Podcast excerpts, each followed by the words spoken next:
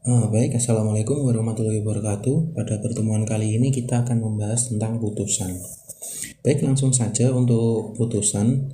Jadi pertama, pengertian dari putusan hakim adalah suatu pernyataan yang oleh hakim sebagai pejabat negara yang diberi wewenang untuk itu diucapkan di persidangan dan bertujuan untuk mengakhiri atau menyelesaikan suatu perkara atau sengketa antara para pihak. Bukan hanya yang diucapkan saja yang disebut putusan, melainkan juga pernyataan yang dituangkan dalam bentuk tertulis dan kemudian diucapkan oleh hakim di persidangan. Sebuah konsep putusan tertulis tidak mempunyai kekuatan sebagai putusan sebelum diucapkan di persidangan oleh hakim. Nah, putusan yang kemudian diucapkan di persidangan ini tidak boleh berbeda dengan yang tertulis. Hal tersebut tertulis pada uh, Mahkamah Agung dengan surat edaran nomor 5 garis miring 1959 tanggal 20 April 1959 dan nomor 1 garis miring 1962 tanggal 7 Maret 1962 menginstruksikan antara lain agar pada waktu putusan diucapkan konsep putusan harus sudah selesai.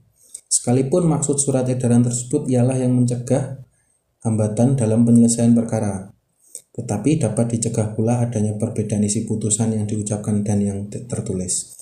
Kalau ternyata ada perbedaan antara yang diucapkan dengan yang tertulis, maka yang sah adalah yang diucapkan. Lahirnya putusan itu sejak diucapkan. Tetapi sulitnya di sini ialah pembuktian bahwa yang diucapkan berbeda dengan yang yang ditulis. Oleh karena itu, setiap berita acara sidang seyogyarnya harus sudah selesai sehari sebelum sidang berikutnya atau paling lama satu minggu sesudah sidang dan setiap putusan yang akan dijatuhkan sudah harus ada konsepnya. Kemudian eh, berikutnya putusan hakim ini bukanlah satu-satunya bentuk untuk menyelesaikan perkara. Di samping itu, putusan hakim masih ada penetapan hakim. Nah, penyelesaian perkara dalam peradilan kontentius disebut putusan, sedangkan penyelesaian perkara dalam peradilan volunteer disebut penetapan. Mengenai pengangkatan anak misalnya, dengan SEMA dari MA tahun eh, sorry SEMA nomor 2 tahun 1979 membedakan antara penetapan yaitu penyelesaian permohonan pengangkatan anak antara WNI dan keputusan yaitu penyelesaian permohonan pengangkatan anak dalam hal anak yang diangkat oleh WNI berstatus WNA atau dalam hal anak yang diangkat tersebut berstatus WNI diangkat oleh WNA. Jadi, putusan adalah perbuatan hakim sebagai penguasa atau pejabat negara.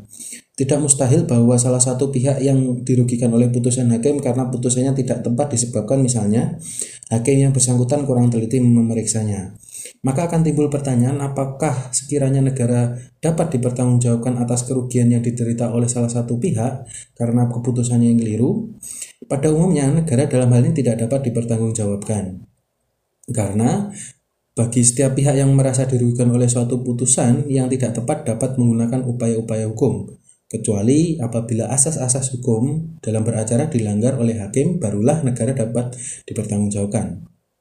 Mahkamah Agung dalam hal ini mempunyai pendapat lain yang dijadikan petunjuk bagi pengadilan negeri dan pengadilan tinggi seluruh Indonesia dan dimuat dalam SEMA 9 garis miring 1976 tertanggal 16 Desember 1976. Persoalan pokok dalam SEMA tersebut ialah tentang pertanggungjawaban berdasarkan pasal 1365 BW mengenai kesalahan hakim dalam pelaksanaan tugasnya dan apakah negara dapat dipertanggungjawabkan secara perdata untuk kesalahan yang dilakukan oleh hakim.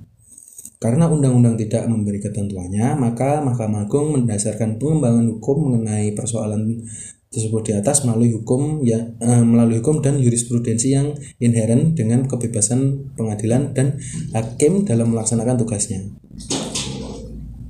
Mahkamah Agung mendasarkan pendapatnya pada pandangan beberapa sarjana yang mengatakan bahwa pada dasarnya dan pada umumnya pasal 1365 BW tidak dapat diterapkan terhadap hakim yang saslah dalam melaksanakan tugas dalam bidang peradilan dan bahwa negara tidak dapat dipertanggungjawabkan atas kesalahan hakim dalam melaksanakan tugasnya dalam bidang peradilan serta juga jurisprudensi Eh, kemudian uh, hal tersebut memutuskan bahwa peraturan perundang-undangan yang menyediakan sarana-sarana hukum terhadap putusan-putusan hakim harus dipandang telah mengatur secara tuntas perlindungan terhadap kepentingan bagi pihak-pihak yang berkepentingan untuk memperoleh suatu keputusan hakim yang tepat.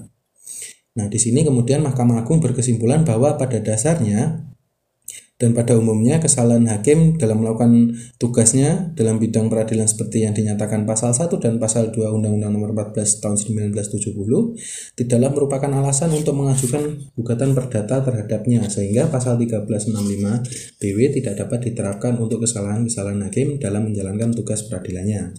Dan kemudian ada tambahan bahwa hal demikian lebih-lebih tidak dapat diperlakukan terhadap hakim yang tidak salah dalam pelaksanaan tugas justisialnya Demikian pula negara tidak dapat dipertanggungjawabkan terhadap kesalahan dalam perbuatan hakim yang secara murni merupakan perbuatan hakim dalam melakukan tugas-tugas peradilannya termasuk juga segala tindakan hakim. Semuanya itu bergandengan dengan asas kebebasan hakim. Oke, kemudian Berikutnya terkait dengan kekuatan putusan. Nah, kekuatan putusan ini yang pertama itu yaitu kekuatan mengikat.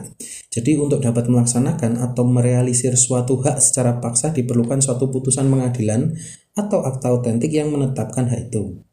Suatu putusan pengadilan dimaksud untuk menyelesaikan suatu persoalan atau sengketa dan menetapkan hak atau hukumnya. Kalau pihak yang bersangkutan menyerahkan dan mempercayakan sengketanya kepada pengadilan atau hakim untuk diperiksa atau diadili, maka hal ini mengandung arti bahwa pihak-pihak yang bersangkutan akan tunduk dan patuh pada putusan yang dijatuhkan. Putusan yang telah dijatuhkan itu haruslah dihormati oleh kedua belah pihak. Salah satu pihak tidak boleh bertindak bertentangan dengan putusan. Jadi putusan hakim mempunyai kekuatan mengikat, mengikat kedua belah pihak di mana itu ada dalam pasal 1917 BW dan terikatnya para pihak kepada putusan menimbulkan beberapa teori yang hendak mencoba memberi dasar tentang kekuatan mikat pada putusan. Oke, kemudian yang berikutnya adalah kekuatan pembuktian. Nah, e, dituangkannya putusan dalam bentuk tertulis yang merupakan akta otentik tidak lain bertujuan untuk dapat digunakan sebagai alat bukti bagi para pihak yang mungkin diperlukannya untuk mengajukan banding, kasasi, atau pelaksanaannya. Nah, arti putusan itu sendiri dalam hukum pembuktian ialah bahwa dengan putusan itu telah diperoleh suatu kepastian tentang sesuatu. Bukankah setiap sarana yang memberi kejelasan atau kepastian tentang sesuatu peristiwa mempunyai kekuatan pembuktian?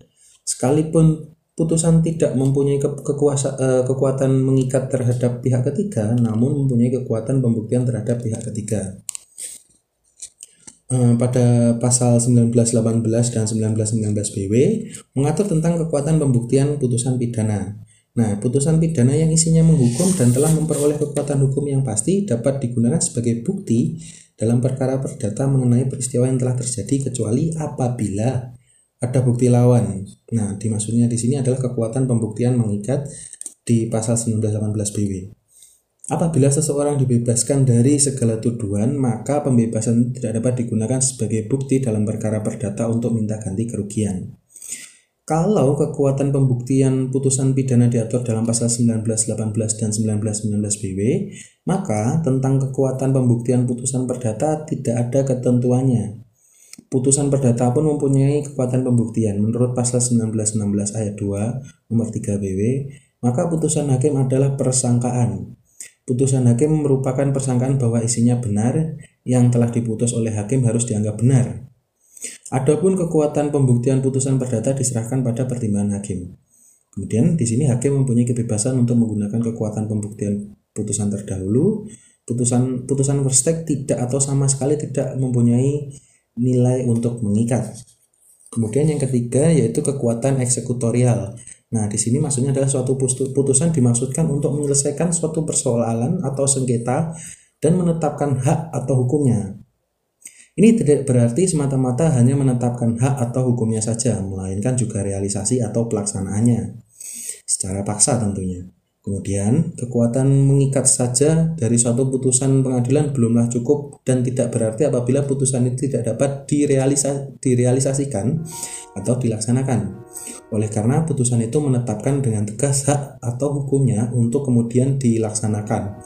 Maka putusan hakim mempunyai kekuatan eksekutorial yaitu kekuatan untuk dilaksanakan apa yang ditetapkan dalam putusan itu secara paksa oleh alat-alat negara. Terus kemudian pertanyaannya apakah ada persyaratan bagi suatu putusan untuk memperoleh kekuatan eksekutorial? Nah, peradilan di Indonesia dilakukan demi keadilan berdasarkan Tuhanan Yang Maha Esa, pasal 4 ayat 1 Undang-Undang Nomor 4 tahun 2004 dan semua putusan pengadilan di seluruh Indonesia harus diberi kepala di bagian atasnya yang berbunyi demi keadilan berdasarkan ketuhanan yang Maha Esa. Suatu akta notaril pun akan mempunyai kekuatan yang sama dengan putusan pengadilan apabila dibubuhi kata-kata demi keadilan berdasarkan ketuhanan yang Maha Esa. Dan kemudian dapat ditafsirkan dari pasal 224 HIR bahwa mempunyai kekuatan yang sama dengan suatu putusan uh, pengadilan. Di sini berarti bahwa akta notaril pun yang diberi kata-kata demi keadilan berdasarkan ketuhanan yang Maha di bagian atasnya dapat dilaksanakan atau dijalankan seperti putusan pengadilan yang memang harus mempunyai kepala eksekutorial itu. Maka kemudian dapat ditarik kesimpulan apa yang diuraikan di atas yaitu terkait dengan kata-kata demi keadilan berdasarkan ketuhanan yang Maha Esa memiliki atau memberi kekuatan eksekutorial bagi putusan-putusan pengadilan di Indonesia. Oke, kemudian berikutnya yaitu tentang susunan dan isi putusan. Nah, di dalam HIR sendiri memang tidak mengatur bagaimana keputusan hakim dibuat hanya tentang apa yang harus dimuat dan itu ada di pasal 183, 184, 187 HIR di pasal 25 Undang-Undang Nomor 4 Tahun 2004. Kemudian di situ dapat dipahami bahwa suatu putusan hakim terdiri dari empat bagian yaitu kepala putusan, identitas para pihak, pertimbangan dan amar putusan. Oke, terkait dengan kepala putusan, uh, di sini yang dimaksud kepala putusan itu setiap putusan pengadilan haruslah mempunyai kepala pada bagian atas putusan yang berbunyi demi keadilan berdasarkan ketuhanan yang Maha Esa. Uh, kepala ini memberi kekuatan eksekutorial pada putusan. Apabila kepala putusan ini tidak dibubuhkan pada suatu putusan pengadilan, maka hakim tidak dapat melaksanakan keputusan tersebut. Lalu bagaimanakah dengan e, mengatasi apabila ada putusan yang tidak ada kepala putusannya? Kalau pada saat putusan dijatuhkan hakim uh, lupa untuk mengucapkan demi keadilan berdasarkan Tuhanan yang Maha Esa dan dimuat pula dalam berita acara tetapi tidak dimuat dalam putusannya maka cara mengatasinya adalah dengan membuat atau mengetik lagi putusan oleh panitra yang bersangkutan dengan menambahkan kata-kata demi keadilan berdasarkan ketuhanan yang Maha Esa. Kalau pada waktu putusan dijatuhkan tidak diucapkan kepala putusan dan tidak dicatat dalam berita acara dan tidak pula dibubuhkan pada putusan, maka dapatlah digunakan arahan dari Mahkamah Agung dalam SEMA nomor 10 garis miring 1985 tentang putusan pidana yang tidak memuat kepala putusan yaitu majelis hakim yang bersangkutan atas permintaan pihak yang bersangkutan membuka kembali persidangan kemudian mengucap lagi putusan atas perkara tersebut secara lengkap sedang terhadap putusan yang baru diucapkan itu dibuka kembali kesempatan untuk mengajukan permohonan banding atau kasasi.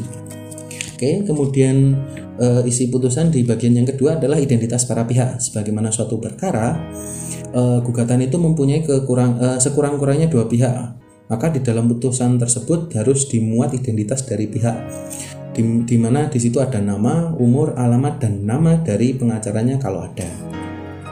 Kemudian di bagian yang ketiga adalah pertimbangan. Nah, pertimbangan atau yang biasa disebut sebagai konsideran merupakan dasar putusan. Pertimbangan dalam putusan perdata dibagi dua yaitu pertimbangan tentang duduknya perkara atau peristiwanya dan pertimbangan tentang hukumnya. Dalam proses perdata terdapat pembagian tugas yang tetap antara pihak dan hakim antara pihak yang harus mengumumkakan peristiwanya sedangkan soal hukum adalah urusan hakim. Dalam proses pidana tidaklah demikian. Di sini dapat di, dapat perpaduan antara penetapan peristiwa dan penemuan hukum sebagai konsekuensi asas mencari kebenaran material. Apa yang dimuat dalam bagian pertimbangan dari putusan tidak lain adalah alasan-alasan hakim sebagai pertanggungjawaban kepada masyarakat mengapa ia sampai mengambil putusan hakim, sehingga oleh karenanya mempunyai nilai objektif. Alasan dan dasar putusan harus dimuat dalam pertimbangan putusan. Alasan itu harus dimuat dalam putusan. Uh, kemudian di pasal 184 KIR mengharuskan setiap putusan memuat ringkasan yang jelas dari tuntutan dan jawaban alasan dan dasar daripada putusan. Pasal-pasal serta hukum tidak tertulis, pokok perkara, daya perkara, serta hadir tidaknya para pihak pada waktu putusan diucapkan oleh hakim. Kemudian sebagai dasar putusan maka Gugatan dan jawaban harus dimuat dalam putusan sesuai dengan pasal 18 4 HIR menentukan bahwa tuntutan atau gugatan dan jawaban cukup dimuat secara ringkas saja dalam putusan. Dalam praktek tidak jarang terjadi seluruh gugatan dimuat dalam putusan. Kemudian adanya alasan sebagai dasar putusan menyebabkan putusan mempunyai nilai objektif kecuali itu mempunyai wibawa juga.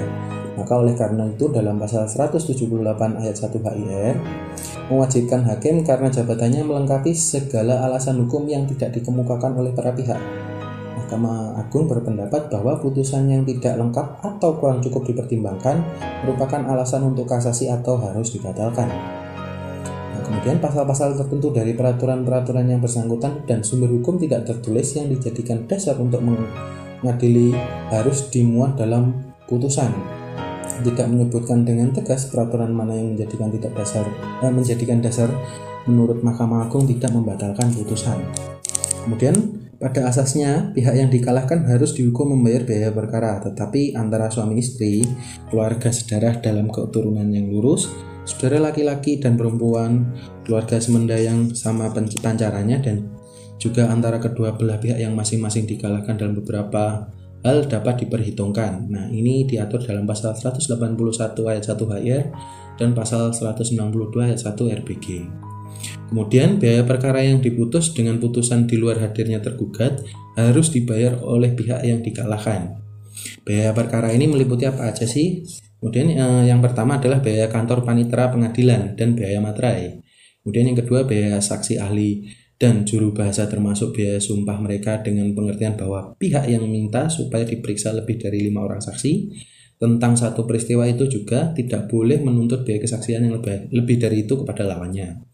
Kemudian yang ketiga adalah biaya pemeriksaan setempat dan perbuatan hakim yang lain. Kemudian yang keempat, gaji petugas yang diperintahkan melakukan panggilan, pemberitahuan dan segala surat jurusita yang lain. Kemudian yang kelima, gaji yang harus dibayarkan kepada panitera pengadilan atau petugas lain karena pelaksanaan putusan. Biaya perkara ini biasanya dimintakan oleh salah satu pihak, tetapi dapat dibebankan secara ex officio. Dan harus pula disebutkan dalam putusan apakah kedua belah pihak hadir dan tidak pada waktu putusan diucapkan di persidangan. Dengan demikian dapat disimpulkan bahwa putusan dapat diucapkan tanpa ada hadirnya para pihak. Ini harus dibedakan dari putusan di luar hadir tergugat, di mana tergugat tidak hadir di persidangan sejak persidangan pertama. Kemudian di bagian yang terakhir yaitu adalah amar putusan, yang merupakan jawaban terhadap petitum daripada gugatan adalah amar atau diktum. Ini berarti bahwa diktum merupakan tanggapan terhadap petitum.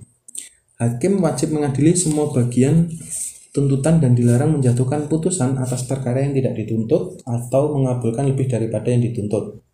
Nah, kemudian Mahkamah Agung berpendapat dalam beberapa putusannya berpendapat bahwa mengabulkan lebih dari tuntut, memutuskan sebagian saja dari semua di, semua tuntutan yang diajukan atau memutuskan hal-hal yang tidak dituntut bertentangan dengan serat, uh, pasal 178 ayat 3 HIR. Sebaliknya, dalam pasal uh, dalam putusannya tanggal 23 Mei 1970, Mahkamah Agung berpendapat bahwa meskipun tuntutan ganti kerugian jumlahnya dianggap tidak pantas sedang penggugat mutlak menuntut sejumlah itu, hakim berwenang untuk menetapkan berapa pantasnya harus dibayar dan hal itu tidak melanggar pasal 173 ayat 3 HIR. Kemudian dalam putusannya masih Mahkamah Agung tanggal 4 Februari tahun 1970, MA berpendapat bahwa pengadilan negeri boleh memberi putusan yang lebih apa yang diminta dalam hal adanya hubungan yang erat satu sama lainnya. Dalam hal ini 100 pasal eh, maaf pasal 178 ayat 3 ayat tidak berlaku secara mutlak. Sebab hakim dalam menjalankan tugasnya harus bertindak secara aktif dan selalu berusaha agar memberikan putusan yang benar-benar menyelesaikan perkara. Sedangkan dalam putusannya tanggal 8 Januari 1972, MA berpendapat bahwa mengabulkan hal yang lebih daripada yang digugat tetapi masih sesuai dengan kejadian material diizinkan. Oke, sementara itu aja dulu. Kita bisa lanjut di kolom diskusi. Uh, terima kasih. Assalamualaikum warahmatullahi wabarakatuh.